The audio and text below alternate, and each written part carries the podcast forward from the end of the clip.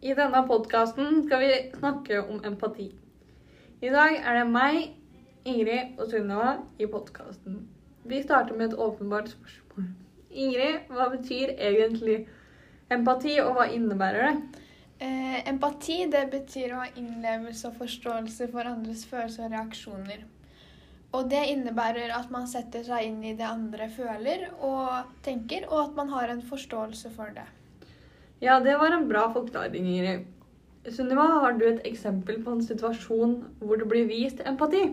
Hvis vi tar utgangspunkt i en gutt som gråter fordi han ikke har det bra hjemme, og han da sier dette til læreren, så kan læreren vise empati ved å ha forståelse og sette i gang tiltak for at gutten skal få det bedre hjemme. Det blir som å vise at man bryr seg om den andre, da, og kan relatere til det som personen føler.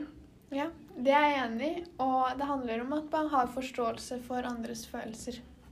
Men hva tenker dere at eh, Hvordan tenker dere at man kan vise empati?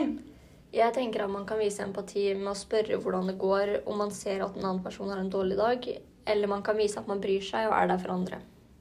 Ja, og så kan man vise det ved at man gir dem en klem hvis man ser at de trenger det, eller at man kan spørre om personen vil snakke om det som er vondt. Ja, jeg ville gjort det samme som dere nevnte nå.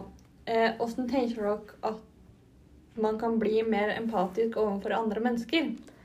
Jeg føler det er noe som blir bygd opp når man jobber med mennesker. Det er noe alle mennesker har innerst inne, men noen er mer empatiske enn andre. Jeg er enig med det Sunniva sa, og som hun sa, så har alle empati innerst inne.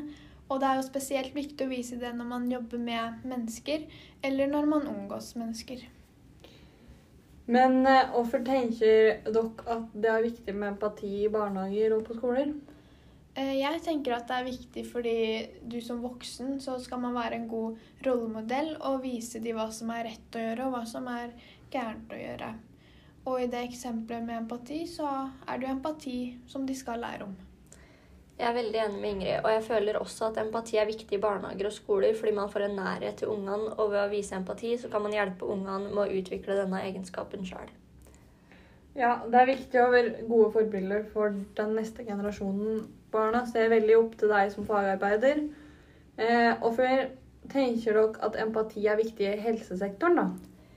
Jeg syns det er viktig i helsesektoren fordi brukerne og de pårørende kan ha vært i sårbare situasjoner, og det er viktig at de da føler at de kan stole på deg, og at de blir sett av fagarbeideren. Hva tenker du, Ingrid? Eh, jeg er helt enig i det du sier. Og så er det jo for at brukeren skal føle seg trygg, og at fagarbeideren virkelig bryr seg om brukeren. Vi vil runde av denne podkasten med en liten oppsummering av hva empati er, og hvorfor man trenger det. Empati handler om å ha forståelse for andres følelser og reaksjoner, og det er en viktig egenskap når man skal jobbe i helse- og oppvekstsektoren. Empati viser man ved å spørre om det går bra, og vise at man bryr seg om andre. Det er viktig å vise empati i helse- og oppvekstsektoren for å være et godt forbilde og for å vise personen at du bryr deg.